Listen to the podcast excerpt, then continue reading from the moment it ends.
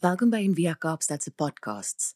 Vir meer inligting of om 'n bydrae te maak, gaan gerus na enviakaapstad.org. Ten slotte vind jy vind krag in jou verbondenheid aan die Here. Ja, in die krag van sy sterkte. Om staande te bly teen die listigheid van die duiwel, moet jy God se gevegstoerusting aantrek. Want ons stryd is nie teen mense nie, maar teen die bose regerders en maghebbers teen die geeste wat heerskappy in hierdie donker wêreld uitoefen teen bose geeste in die hemelruimtes. En daarom moet julle God se geveg gevegstoerusting aantrek. Dan wanneer jy die bose julle aanval sal julle weerstand kan bied. En na die hele geveg verby is sal julle nog vas staan. Staan dus vas deur waarheid as 'n gordel om julle heupe te dra en trek God se vryspraak as borsharnas aan.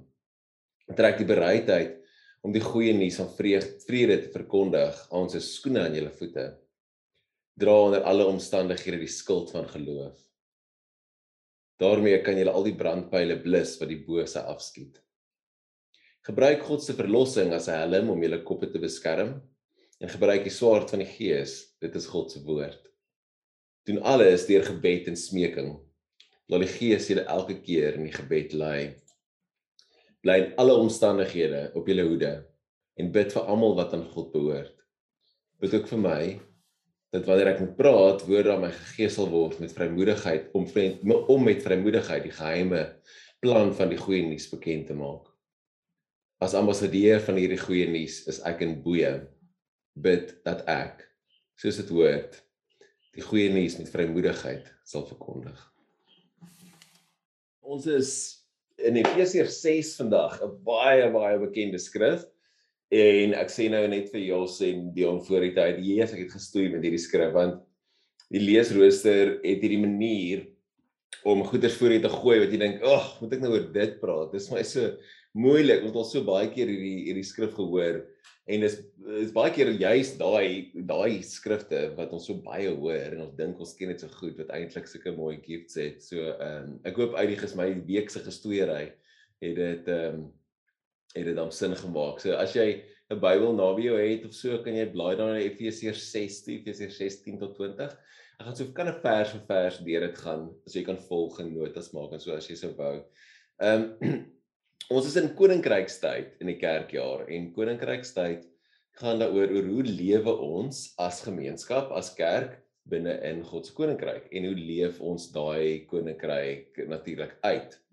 So net so konteks, dis in my preke is altyd soos jare se konteks en dan so kan 'n samentrekking aan die einde. So konteks Efese. So Paulus skryf hierdie brief aan die gemeente in Efese. En baie keer as ons dink aan gemeentes in Efese, dan dink jy soos Jy sal dink aan 'n kerkgebou daar of 'n tempel, weet soos 'n ding en daar's 'n daar's 'n dominee of 'n priester en weet hulle doen teen na die tyd en dis soos 'n dis 'n kerk, soos ons kerk ken. Maar kerke in die die vroeë kerk het in mense se huise bymekaar gekom.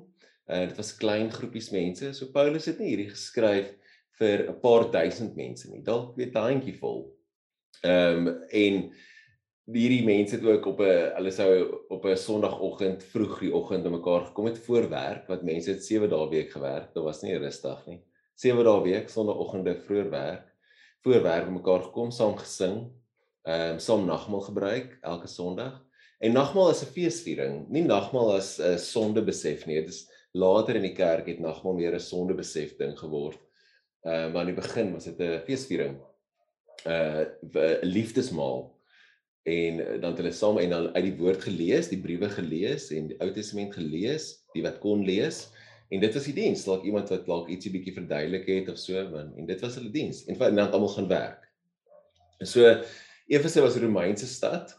Ehm um, en Romeinse is dit is altyd belangrik. So die Romeinse wêreld is op die voorgrond in die Nuwe Testament, nie in die agtergrond nie. Ons dink baie keer dis in die agtergrond, maar dit is nie. Dis die dis die wêreld wat hulle ingeleef het en Romeinse stede is oral ehm um, as jy eendag saam met my Israel toe kan kom dan jy asseblief kom want dan wys ons gaan ons na die Romeinse stad en wys hoe lyk dit. Dit is altyd presies dieselfde gebou.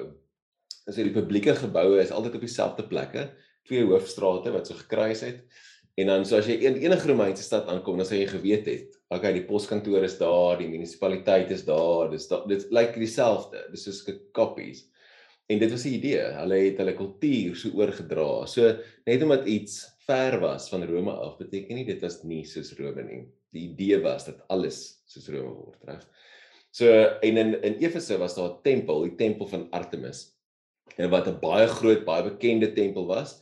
En Artemis was hierdie hierdie godin van vrugbaarheid. As jy al Google en sien die beelde van haar, het sy so baie baie borste gehad want sy het vir almal gevoed, soos hierdie groot godin. En uh, daar's 'n baie bekende deel in Handelinge waar Paulus hulle teen ehm um, waar die mense in Efese kwaad raak vir hulle, want hulle het sulke klein beeltjies gemaak van Artemis, silwer beeltjies en dit verkoop. En dan het ehm um, en omdat hulle nou hierdie nuwe geloof begin verkondig het, dan is hulle bang dat al die silwer smede gaan nie meer werk hê nie en dit hulle nou hier op die hierdie protes gehad teen die Christene en hulle daai hele amfitheater in Efese, die massiewe amfitheater het 'n paar duisend mense bymekaar gekom en so geskree, weet, groot is Artemis van die Efesiërs, groot is Artemis van die Efesiërs. En hierdie Artemis se tempel was so 'n van die wonders van die wêreld. Dit het 'n uh, 'n uh, klomp tempelwerkers gehad, akrobate, dit was so 'n massive industrie. En nou nou sê jy moet nou jouself indink, dis is hierdie Romeinse stad, die Romeinse lewe, beelde van die keiser en ehm um, dan die tempel van Artemis, die groot tempel wat die hele stad oorweldig en dan hierdie klein groepie mense wat op 'n sonoggend voor die son opkom bymekaar kom en saam nagmaal hou en dis vir wie Paulus skryf. Reg, so 'n klein groepie mense wat anders lewe, wat besluit het ons ons volg iets anders, ons doen iets anders. En en dis dit. So dis die die kan op die prentjie wat in jou kop moet hê. So die wêreld van die Romeine. Die, die wêreld van die Romeine was ook verskriklik gewelddadig. Klein elite bo, net 2 2 tot 3% van die mense was soos elite, ryk en die res is almal arm. Daar was nie middelklas nie. Baie as daar middelklas was, baie baie klein. Res almal arm. Mense is het honger gely meeste van die tyd, ehm uh, regtig in haaglike omstandighede geleef. Ehm um, regtig baie rof en die vrede in Rome en dis die belangrike ding, die vrede in Rome word gehou deur geweld. Deur die elite wat al die geld beheer en hulle onderdruk die res van die mense en belas hulle tot soos 40%, soos baie swaar belasting van die mense wat al klaar honger kry en uh, enige opstand of enige iets as jy durf opstaan teen Rome dan vind jy jouself bekruis sê. Soos violent violent violent wêreld. En wat sê wat sê die waarde is dat die hierdie violence bring vrede. So daai moet jy verstaan dat dat die mense was die hele eintlik die hele Nuwe Testament is amper soos 'n 'n subverse teks wat in die geheim rondgestuur is. Ek dink dit is soos groepies mense wat besluit het, hoorie, maar ons gaan anders leef. Ons gaan nie ons wil nie ons is teen Rome, maar ons kan dit nie in die publiek doen nie want dit gaan ons doodmaak. So dan skryf ons mekaar hierdie amper geheime briewe om te sê maar ons leef anders. Ons neem nie deel aan hierdie stelsel nie. So dis die wêreld, hierdie hierdie hierdie bose wêreld wat mense misbruik en letterlik verbruik om vir 'n klein handjievol mense ryk te maak. Dis die wêreld wat hierdie klein kerkie in bestaan, reg? En so as ons kyk net na ons wêreld en ons probeer daai vertaal eintlik die die wêreld wat ons na kyk want hierdie teks Efesiërs praat oor die bose magte, die die die goed binne in die wêreld, die owerhede, die daai dit praat oor dit. As ons kyk na ons eie wêreld, dan sien ons 'n wêreld wat diep diep verdeeld is, wat verskriklik ongelyk is. Ehm um, dis my dis altyd, ek meen jy kan enige van ons stede rondry as jy in Kaapstad so met die lughawe land, dan gaan hy vliegtyg so oor die oor die oor die shacks en as jy in Sandton ry dan jy Alexandrië aan die een kant wat soos die een van die armste dele in die land is en aan die ander kant Sandton wat een van die rykste dele in hele Afrika is en as jy in Stellenbosch is, het jy Kaimandi aan die een kant en dan van die rykste mense in die land aan die ander kant. Diep verdeelde wêreld, baie ongelyk, baie materialisties. Ons wêreld is super ego behep. Ehm um, Bill Plotkin wat ons baie gebruik en van ons in Beare Treats goeders ook is 'n hy praat van ons het so hierdie ook hierdie patho patho adolescent culture waar mense eintlik nooit groot word nie en baie self-obsessed is En dan dan het ons nog eens begin praat oor rasisme, rassegehaat, geweld en dan in ons eie land en ons eie stad, die verskriklike is soos geweld teen vrouens en kinders wat vermoor word. Verskriklik. So ons wêreld het hierdie hierdie ook soos in die Romeinse wêreld hierdie hierdie boosheid binne in dit en aan dit, reg? Nou Paulus skryf hierdie brief en ons moet onthou dat Paulus bly in 'n Romeinse wêreld. Nou, hy's 'n Romeinse burger ook. En baie keer wanneer ons hierdie teks lees, dan weet met die wapenrusting, dan is dit vir ons moeilik want ons weet wie word geleer as 'n Christen dat jy 'n pacifist moet wees nie, dat jy geweld is nie 'n goeie ding nie, dat dat 'n oorlog metafoor is 'n negatiewe ding, maar Paulus gebruik dit tog nie kry dit baie in sy skrywe. En ons moet onthou dat hy maar hy hy is 'n Romeinse burger, hy lewe in hierdie wêreld. Dis wat hulle sien die hele dag is soldate. Dat hulle sien is oorlog. En dan skryf hy gebruik hy daai metafoor om iets te verduidelik vir daai kerk oor kan 'n geestelike oorlogvoering. So daai daai teks vers 12 sê dan begin hy dit en hy sê ons borstelstryd ek lees 53 vertaling hy sê ons borstelstryd is nie teen vlees en bloed nie maar teen die owerhede teen die magte teen die wêreldheersers van duisternis van hierdie eeu teen die bose geeste in die lig nou kyk ek en Rialet kom nou al wat hoe lank 20 jaar something saam met die kerk hè en ons het al regtig baie interessante en vreemde goed gesien veral met hierdie tipe goeters met soos geestelike oorlogvoering en wat mense doen en wat hulle dink dit is en wat hulle dink dit nie is nie. Die hele spektrum van soos demone af reg deur tot by elke liewe ander ding wat jy aan kan dink reg So hierdie deel waar Paulus nou praat, hy praat daar's twee goeters binne-in. Hy hy sê dis nie teen vlees en bloed nie, maar dis teen die owerhede. So die die owerhede is Rome. Hy praat van Rome, van hierdie wêreld wat ander mense verdruk, wat hulle seermaak. So hy praat van dit, maar dieselfde tyd praat hy ook van die bose geeste in die lig. So ons kan nie daai twee goeders regtig van mekaar skei nie. Hierdie idee dat daar iets in die wêreld is, iets in die skepping is wat die wêreld wil terugtrek in chaos in.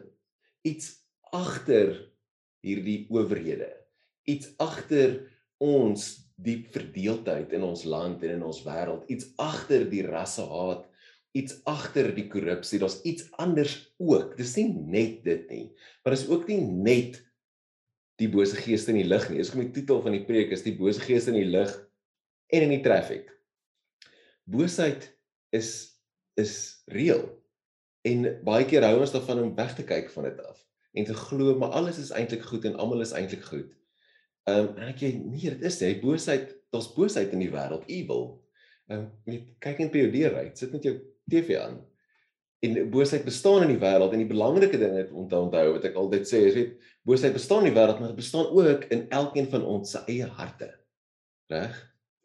En wat die wat belangrik is in die Bybel altyd om te verstaan is geestelik as hulle as Paulus skryf van geestelike goeders is dit nie teenoorgestelde van van vleeslike nie met ander woorde nie materie teenoor materie nie maar twee verskillende maniere van leef So en dis waarom Paulus se verstaan en sy waarskuwing oor die stryd wat die kerk hulle in in in ervaar of vind. gaan nie oor die hierdie ontsnapping van die bose af, van die bose fisiese sfeer af na die goeie geestelike deel toe nie. Dis hierdie bose vleeslike ding en ons gaan na die goeie geestelike hemel toe nie. Dis nie dit nie. Die geestelike sfeer is presies soos waar jy jou wildste vyande ontmoet. Jy kan nie sê die geestelike is goed en die vleeslike is sleg nie. Dit alles is in mekaar vermeng. En wanneer Paulus daarvan praat, dan sal hy sê dis hier en nou waar jy dit ontmoet. Jou geestelike battle is nie net in die geestelike sfeer nie, dis nie net in die vleeslike sfeer nie. Daai twee goed is in mekaar vermeng. Waarvan so die keiser en sy makkers is eintlik net die amper soos die manifestasie of die die ehm um, die die kopie van dit van eintlik wat aangaan binne in die hele ding. So geestelike oorlogvoering roep baie keer sulke bizarre beelde en goeters op, weet engele met swaarde en goed lightning bolts wat hulle skiet teenoor demone se koppe afsny of wat ook al of geestelike oorlogvoering beteken om seker goed uit jou huis te gooi en alles te bedek met olyfolie en sekere goederes te brand en sekere goederes nie te hê nie. Ehm um, en baie keer het ons en en net omdat dit om dit daai goed weird is dat jy sê maar daai goed is nie reëel nie, kan mens nie soos die baba met die badwater uitgooi en sê daai magical world view wat ons sê jy kan nie hierdie ding in die huis hê want daar's 'n demoon wat aan dit gekappie is of dit is 'n vloek op dit en jy kan nie dit doen nie en jy moet so en jy moet dit en al daai ampere tipe toweragtige wêreld soos 'n magical world view waar jy plak weet plak 'n stiker op jou kar wat sê Psalm 91 en dan beskerm met jou kar teen die demone en goeters daai net omdat daai goed vir ons baie keer te ver is of te vreemd is is ons geneig om die baba heeltemal met die badwater uit te gee en sê wel okay dit beteken dan nie Paulus praat nonsens nie. En NT Wright skryf, hy sê hy sê enige persoon, enige persoon, ek kan getuig daarvan, ek seker baie van julle ook. Enige persoon wat werklik probeer om soos net twee tree vorentoe te neem vir die koninkryk van God, weet dat daar onsigbare kragte is wat probeer om jou ten minste een trap terug te druk of baie keer sommer 3. Dat daar is 'n geestelike ding wat agter dit sit, wat dit dryf, soos die natuur daarvan, die ding wat agter die hele ding is. So die die geestelike en die vleeslike is verweef in die lig en in die traffic, onafskeidbaar van mekaar.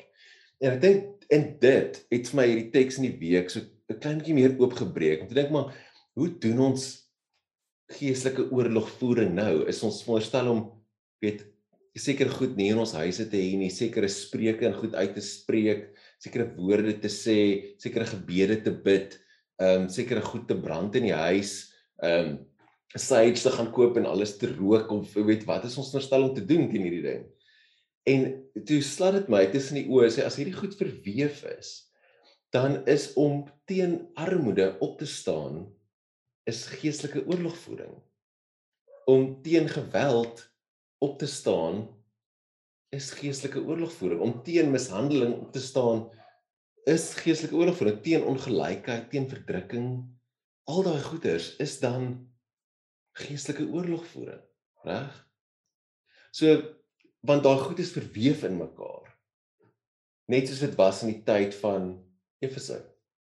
Hulle sê dat hierdie wêreld wat geregeer word hierdie owerhede hierdie magte wat regeer het deur onderdrukking en deur geweld daar was iets agter dit wat anti God se koninkryk is anti die maniere so God wil hê die wêreld moet wees en leef reg so daai as jy daai prentjie in jou kop het dis kan dit miskien bietjie bietjie bietjie 'n stretch 'n bietjie 'n mind bend maar dink net aan daai daai twee goede saam dis nie apart nie daar's nie hierdie magical wêreld en dan die gewone wêreld nie dis alles in mekaar Ehm um, so dan kom dit dan kom dit by die praktiese ding uit. Weet hoe veg jy? Paulus sê dan, hy sê, "Oké, okay, hierdie is ons battle, nê? Nee? Teen die bose geeste, teen die owerhede, teen die magte, teen alles wat sleg is in die wêreld. Dis ons battle." En dan sê hy, "Oké, nou maar wat doen jy? Hierdie klein groepie mense in Efese, hoe veg jy? Wat doen jy?" En dan beskryf en dan gebruik hy die wapenrusting as 'n metafoor. En daai sit baie keer moeilik vir ons. En baie keer ek was al in sessies waar mense soos bid en dan trek hulle vir jou nou soos metafories die wapenrusting aan met sulke bewegings so goed, maar dit is meer as dit. Dit is meer as dit. Hy gebruik hierdie eenvoudige beskrywing van 'n wapenrusting want dit is wat die mense sou ken. Ehm um, en wat so interessant is van hierdie beskrywing, dis niks flashy nie. Dis nie die heel top soldate nie. Dis kan soos die middellinies. Dis nie die heel onderstes nie, dis nie die heel boonste, dis kan die middellinies wat hy eintlik beskryf. Um, en wat interessant is, is meeste van die wapens wat hy beskryf, behalwe die swaard, is verdedigend. Dis nie aanvallend nie. Dis iets wat jou laat saam staan, reg? En hy begin die deel so. Hy sê trek die volle wapenrusting van God aan, daar vers 11 en dan sê hy sodat jy kan staande bly teen die liste van die duiwel. So die Romeinse soldate moes staande bly en nie retireer nie, nê? En dit is eintlik een van die geheime van van hoekom die Romeinse legioene so weermag so effektief was, is wanneer hulle saam op 'n plat veld gestaan het en nie hulle geleedere gebreek het nie. Nê, nee, as jy al daai ou movies kyk, dan is hulle soos hold, hold, weet hold the line, hold the line. Solank hulle dit gebreek het nie, dan kon mense hulle eintlik nie oorwin nie.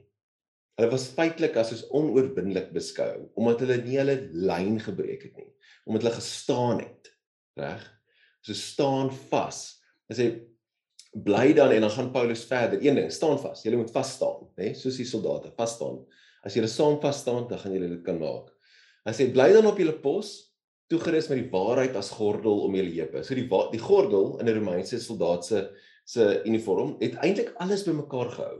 Die onderkleed, die boonste ding, dit was soos die daar was eintlik twee gordels, een aan die onderkant en dan een bo-oor wat dan alles net bymekaar vasgehou het. So en as ons dink, hy vergelyk dit met die waarheid. En waarheid is ons baie keer geneig om te sê dis hierdie dogma. Jy weet, jy moet glo Jesus is die seun van God, jy moet glo hy het uit die dood opgestaan, jy moet dit glo en dat glo. Jy dink aan jou geloofsbelijdenis wat jy 600 keer opgesê het toe jy groot geword het in die kerk, hè. Maar waarheid is Jesus eerste. Jesus. As jy dink wat is waarheid? Jesus is waarheid. Hy sê dit self. Ek is die waarheid.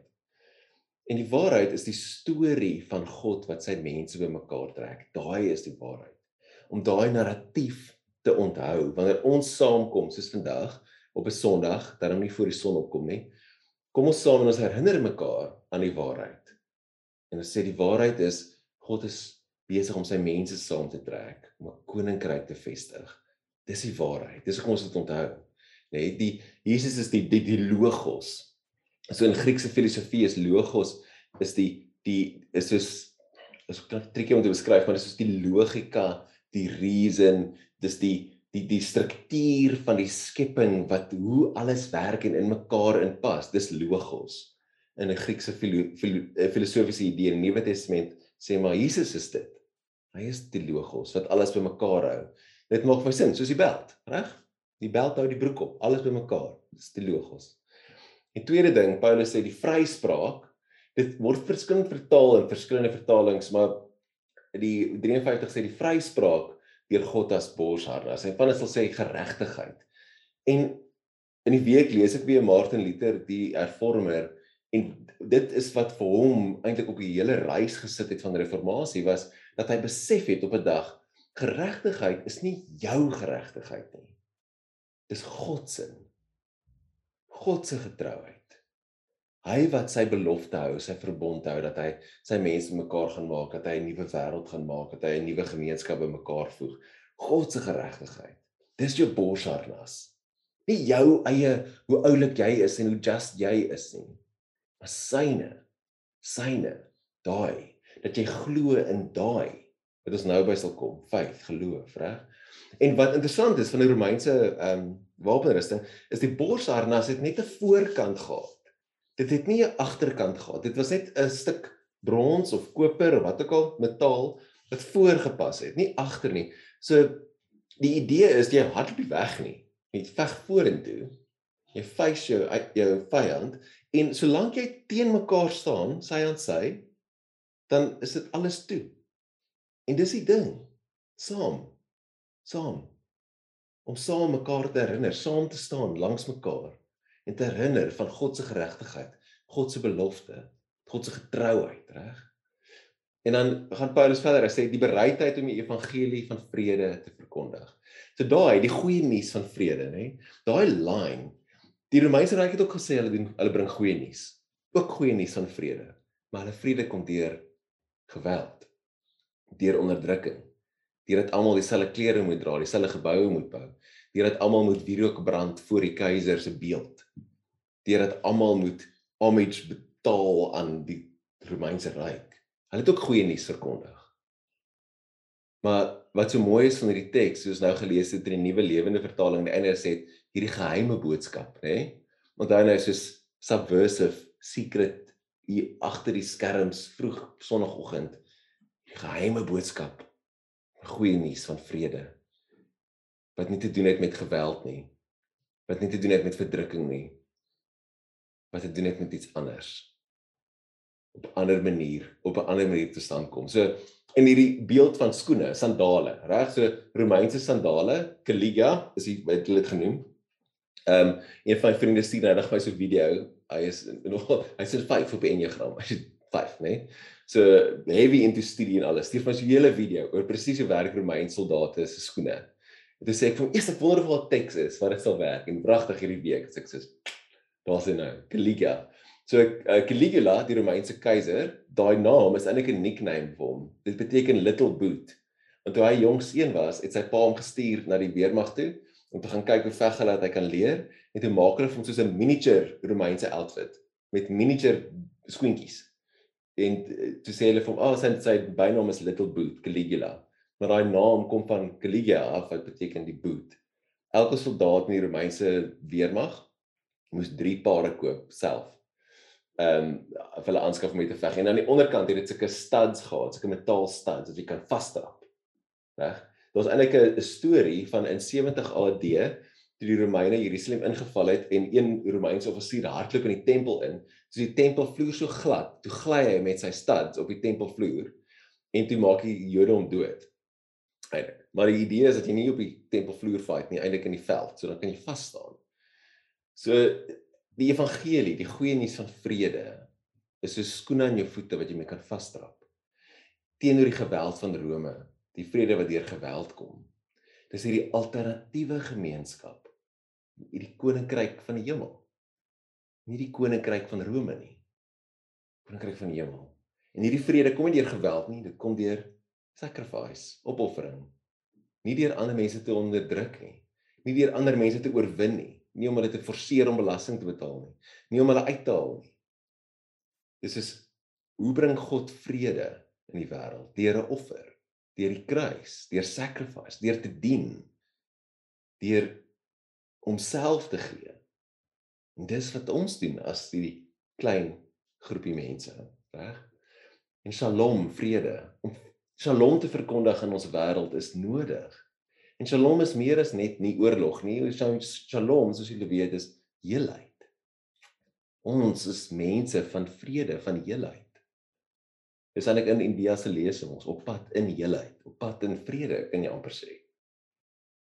En dan gaan hy verder dan sê hy daarbey moet jy altyd geloof en 'n beter vertaling vir geloof is altyd vertroue, nê? Nee? As skild in die hand hê. Want daarmee sê hulle die brandpyle van die bose kan afweer. So vertroue in God se geregtigheid, dit wat hy wil doen, hè, dat hy sy mense by hom wil hê, dis die geloof, vertroue en die beste vir ons wil hê. Al lyk die beste nie altyd soos wat ons dink nie, maar God wil die beste vir ons hê. En Romeinse soldate het sulke groot so meter en 'n 1.2 meter hoë reghoekige skilde gehad hout en dan trek hulle dit met kalfsleer oor en dan dip hulle dit in water, maak dit nat en dan wanneer die vyand brandpyle stuur dan hou hulle dit op. Die voorste linie, voorste ry hou dit regop en die agterste ry hou dit so kant toe, nê. So dan wanneer die brandpyle kom en dit tref hy skilde, dan sien die tussen die kombinasie van die laal kalfsleer en die en die water dan blus dit die vuur, die pile. Ehm um, en dan die Griekse Romeinse van die god van passie, Eros en Cupid en Cupid die klein met die pyltjie nê, het ook vier pile geskiet. So daar's 'n kind of so dalk het Paulus sê so klein bietjie oor iets oor dit ook in in Romeinse in Efese met 'n tempel van Artemis waar daar baie moontlik tempel ehm um, prostituie op was by. So dalk is dit kan op ietsie vir dit ook. Maar wanneer hulle wanneer die Romeinse legioene hulle geleedere gesluit het met daai skilde, dan kan jy maar baie skiet. Ek kan niks aan doen nie. So dis die beeld. Hierdie beeld wat ons het, nê. Hierdie groepie met skilde met sandale wat vasstrap en wat mekaar beskerm teen hierdie vuurpyle. Dis kerk. 'n gemeenskap wat sy aan sy staan. En dis wat ons is of moet wees. En dis kan deel van wat ons droom om te wees in ons stad, is om hierdie hierdie gemeenskap te wees wat 'n ritme van gebed hou, wat God se hart beliggaam in die stad. Dis wat ons van droom. En laaste dan sê hy op tweede laaste die verlossing as helm. Verlossing gaan oor uit die Hebreëse woord teshuva, weet om terug te keer na God se oorspronklike plan. Om Jesus gebruik die woord metanoia vir evangelies, metanoia as wat ons vertaal as bekering, nê? Nee, meta beteken groot, noia mind kop. So beweeg van paranoia na metanoia in jou kop. Groter gedagtes, groter prentjie. En die laaste een, die swaard van die gees, reg? En dis die enigste aanvalwapen, swaard van die gees. En die, dis die woord van God. Die woord. En woord is nie Bybel nie. Dit beteken nie waar's my Bybel hier lê. Dis nie soos dis nie die teks nie. Dis die storie, die evangelie. Dis die woord van God, die goeie nuus. Dis God se woord. Die autoriteit lê daarin in daai narrative. As jy sê ons is 'n skrifgetroue gemeenskap, beteken dit nie die letter van die teks nie, beteken ons is getrou aan die evangelie. Die goeie nuus van God, die goeie nuus van genade, van van geloof wat deur Christus gekom het. Dit is die storie, reg? En dis die enigste aanvallende wapen. Dis wat dit was. So dat jy iets het om te sê. Dat jy goeie nuus vir mense kan gee. Nie hulle oor die kop slaan met jou Bybel nie en vir sê hoe verkeerd hulle is nie, maar die goeie nuus van vrede. Die goeie nuus van vrede. Dis wat dit is. Dis wat dit is. So daar's so baie sulke beelde van Christene wat 'n ander manier geleef het. Ek dink aan twee stories wat ek mee wil afsluit. Een is St Patrick en sy monnike. Hulle het hulle monasteries nie buite op hoë op 'n berg gebou weg van mense af nie, maar binne in die stede. Dat hulle naby die mense kan wees, maar hulle leef 'n ander ritme. En hulle het 'n reël gehad dat wanneer hulle gevas het, die enigste rede wanneer jy jou vas mag breek, was wanneer daar gas wan, wan was wanneer daar gaste kom. Want gaste is belangriker as jou vas. Om hulle in te nooi.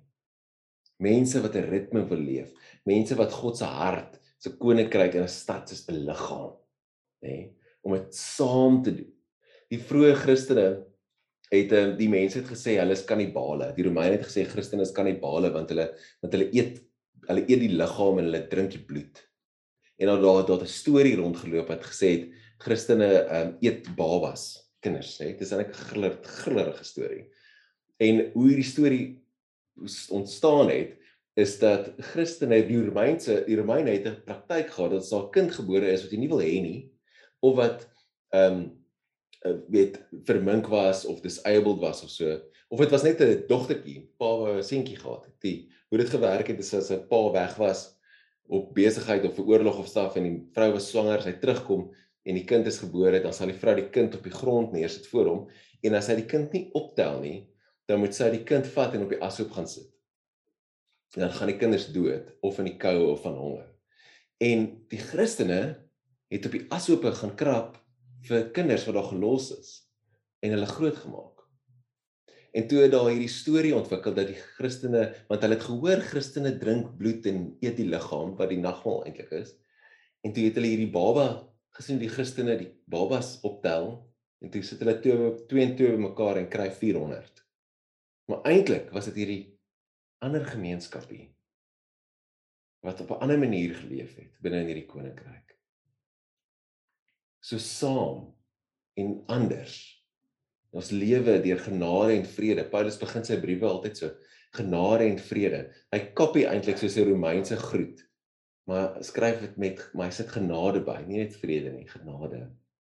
Ons lewe deur genade, nie deur onderdrukking en argumente en geweld nie. En ons leef vir ander mense vir ons stad. Dis wat ons doen. Dis wat geestelike oorlogvoering is. Om saam te staan. Om te weet daar's boosheid in die wêreld. En ons weet hierdie boosheid manifesteer in sisteme, selfs soms in persone wat mense leed aan doen en om teen dit te staan, om te weet daar's 'n groter prentjie, maar hierdie is verweef in ons wêreld in. Maar wanneer ons as 'n gemeenskap kan vas staan soos 'n Romeinse linie met ons skulde en goed doen en 'n ander ritme leef, dan kan ons oorwinning bereik. Amen. Kom ons bid saam julle. Dankie Here Jesus dat U die een is wat ons bemagtig. U die een is wat vir ons 'n wapenrusting gee om aan te trek. Mag ons U koninkryk uitleef. Mag die hemel aarde toe kom Mag U wil hier geskied. Dankie dat U saam met ons vas staan. Ons loof U naam. Amen. Ek kan jou hande uitsteek vir so 'n oomblik en dan spreek ek vir ons se seën uit. Mag jy waarlik die volle wapenrusting aantrek. Mag jy jouself vind binne 'n gemeenskap wat saam vas staan en 'n ander waardesisteem leef. Mag jy regtig God se vrede uitleef en beleef. In die naam van die Vader, die Seun en die Gees. Gaan in vrede. Amen. Dankie dat jy saam geluister het vandag. Besoek gerus en via kaapstad.org vir meer inligting.